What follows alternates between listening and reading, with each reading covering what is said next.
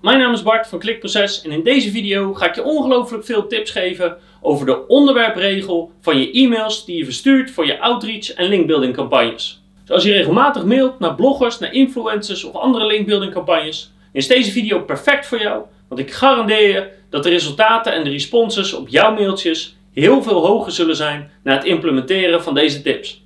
Bij Klikproces versturen we elke maand honderden e-mails, misschien wel duizenden, voor alle linkbuilding campagnes die we doen. En daardoor hebben we een heleboel geleerd over wat belangrijk is aan een goede e-mail en wat niet. En een van de dingen die heel erg belangrijk is, is je onderwerpregel. En met heel erg belangrijk bedoel ik echt heel erg belangrijk.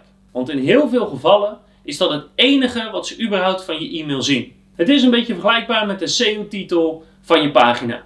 Op basis van die ene regel gaan mensen beslissen: ga ik dit lezen of niet? En om te zorgen dat veel meer mensen jouw e-mails überhaupt gaan lezen, ga ik je nu heel veel tips geven. En laat ik meteen met de eerste beginnen. Dat is zorg ervoor dat de onderwerpregel aansluit bij de actie die je wilt dat mensen nemen in je e-mail. Het moet een hele goede flow zijn van je onderwerpregel door je e-mail heen naar de aanzet tot actie van wat je dan ook wil dat ze uiteindelijk gaan doen. Vergeet daarmee al het advies wat mensen zeggen dat je de aandacht extreem moet trekken of dat het moet opvallen. Ja, dat is ook zo. Maar als je het opvalt en niet aansluit bij de rest van de e-mail, is het eigenlijk zonde van iedereen zijn tijd. Dus de allereerste tip: ja, je moet een unieke onderscheidende onderwerpregel hebben en daar gaan we het zo over hebben. Maar bovenal moet die exact aansluiten bij wat je uiteindelijk wil dat bezoekers gaan doen. En misschien wel de allerbeste tip die ik je kan geven om te zorgen dat je e-mail überhaupt aankomt, is vermijd woorden waardoor je e-mail heel snel in een spamfilter terechtkomt. En dat is bijvoorbeeld als het gaat hebben over geld, over dating,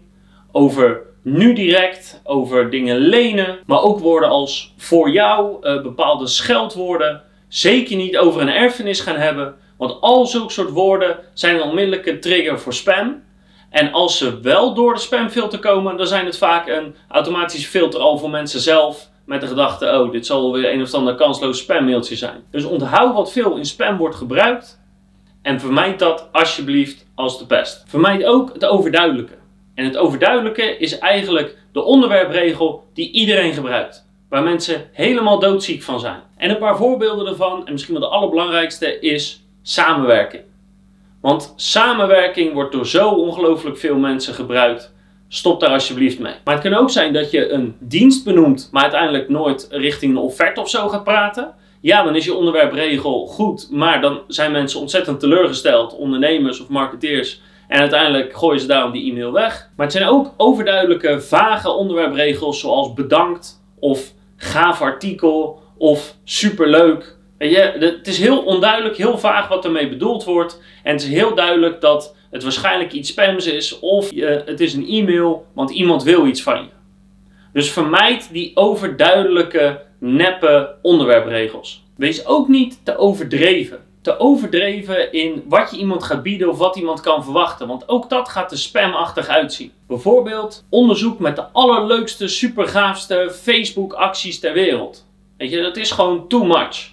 Kort het in, maak het simpel en hou het duidelijk als in onderzoek, beste Facebook-acties ter wereld. Dat is goed genoeg. Zorg dat het er niet uitziet alsof je te hard probeert. Vermijd ook moeilijke woorden. En moeilijke woorden kunnen zijn woorden die je eigenlijk op meerdere manieren kan opvatten. Het kan heel technisch jargon zijn. Gebruik natuurlijk geen woorden die jouw doelgroep misschien helemaal niet kent, omdat ze in een ander vakgebied zitten of een andere belevingswereld hebben. Maar dat is vooral wat je niet moet doen. Dus dan gaan we het nu hebben over wat je wel moet doen. En eigenlijk zijn er een paar dingen die je moet doen. Je moet opvallen.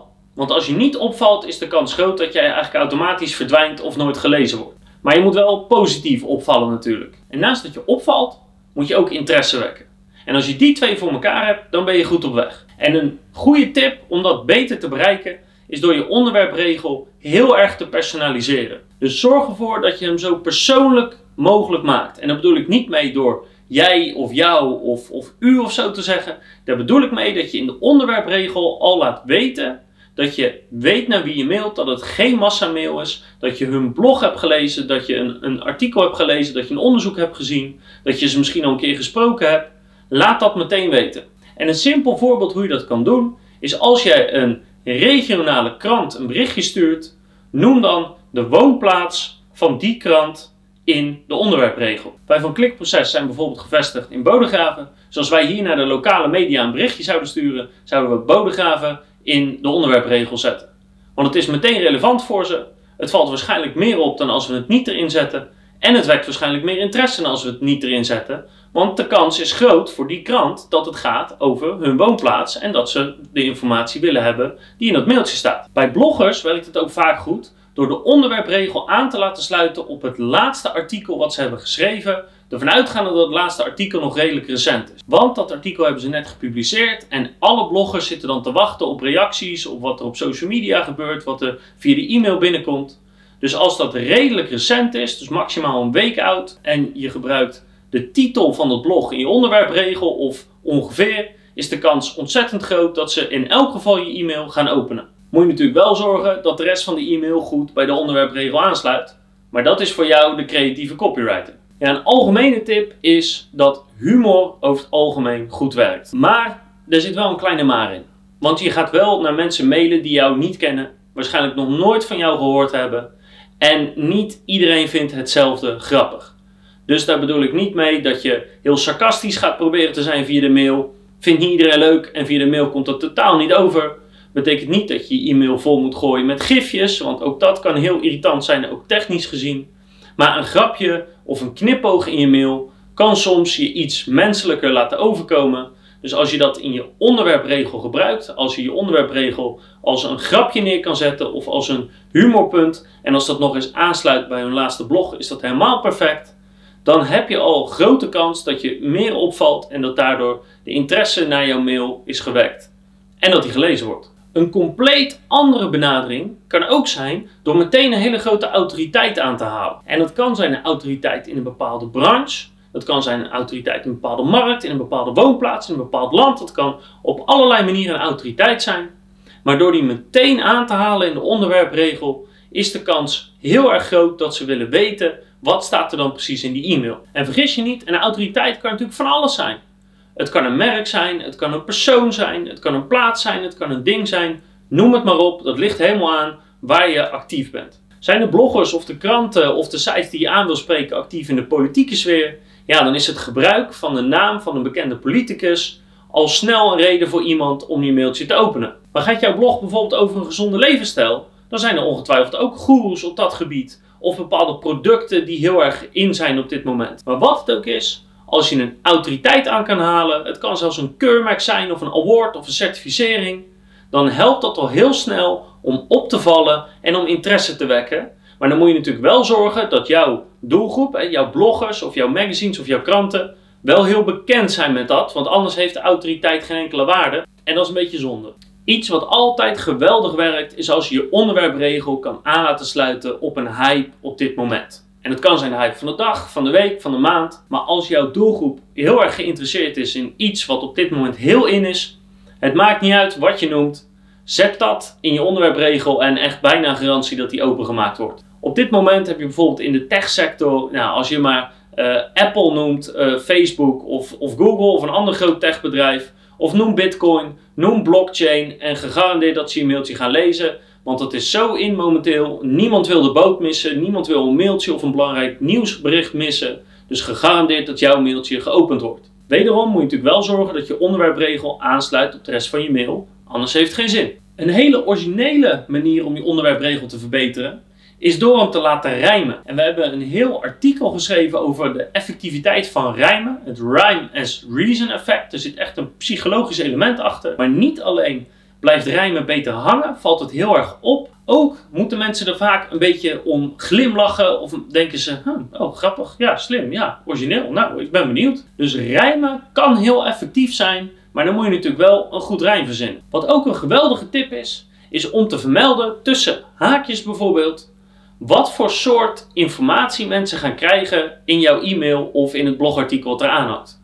Dus bijvoorbeeld infographic of video of onderzoek of grafiek of kaart of gifje of e-book, noem het maar op. Maar door aan te gaan geven van hé, hey, hier zit meer in dan alleen maar een stuk tekst. Je gaat echt iets prachtigs krijgen, iets waar moeite voor is gedaan. Val je veel meer op en zal je zien dat het heel veel aandacht trekt. Als laatste tip wil ik je meegeven dat je zoveel mogelijk ste woorden gebruikt in je onderwerpregel. Waar mogelijk wil je eigenlijk altijd communiceren met een ste. Dus sterkste, krachtigste, nieuwste, mooiste, leukste, meest complete, meest relaxte. Noem het maar op. Maar als het een ste is, is het een overtreffende trap. Dus dat betekent dat wat je ze ook gaat geven, dat het altijd het allerbeste is. Dus als het enigszins kan, gebruik ste. Of probeer je onderwerpregel in je e-mail zo in te zetten dat het ingaat op de ste die jij kan aanbieden. Want ste is ongelooflijk krachtig en mensen reageren daar heel erg goed op. Dus als het kan, gebruik ste in je onderwerpregel. Ik weet zeker dat je iets aan deze tips hebt gehad en dit gaat gegarandeerd jouw onderwerpregels verbeteren. We hebben nog een andere blogpost waarin heel veel woorden staan die heel krachtig zijn. Volgens mij zijn het er meer dan 100 zelfs. Dus ik zet even een link erin op ons blog. Dan kan je naar die pagina gaan om nog veel meer krachtige steunwoorden te krijgen. Als je er al genoeg hebt, zou ik zeggen: ga aan de slag. Pak deze tips op. Ga jouw outreach en jouw linkbuilding campagnes flink verbeteren. En ik zie je graag terug bij de volgende video met nog veel meer expertadvies als het gaat om SEO, conversieoptimalisatie, voice of YouTube.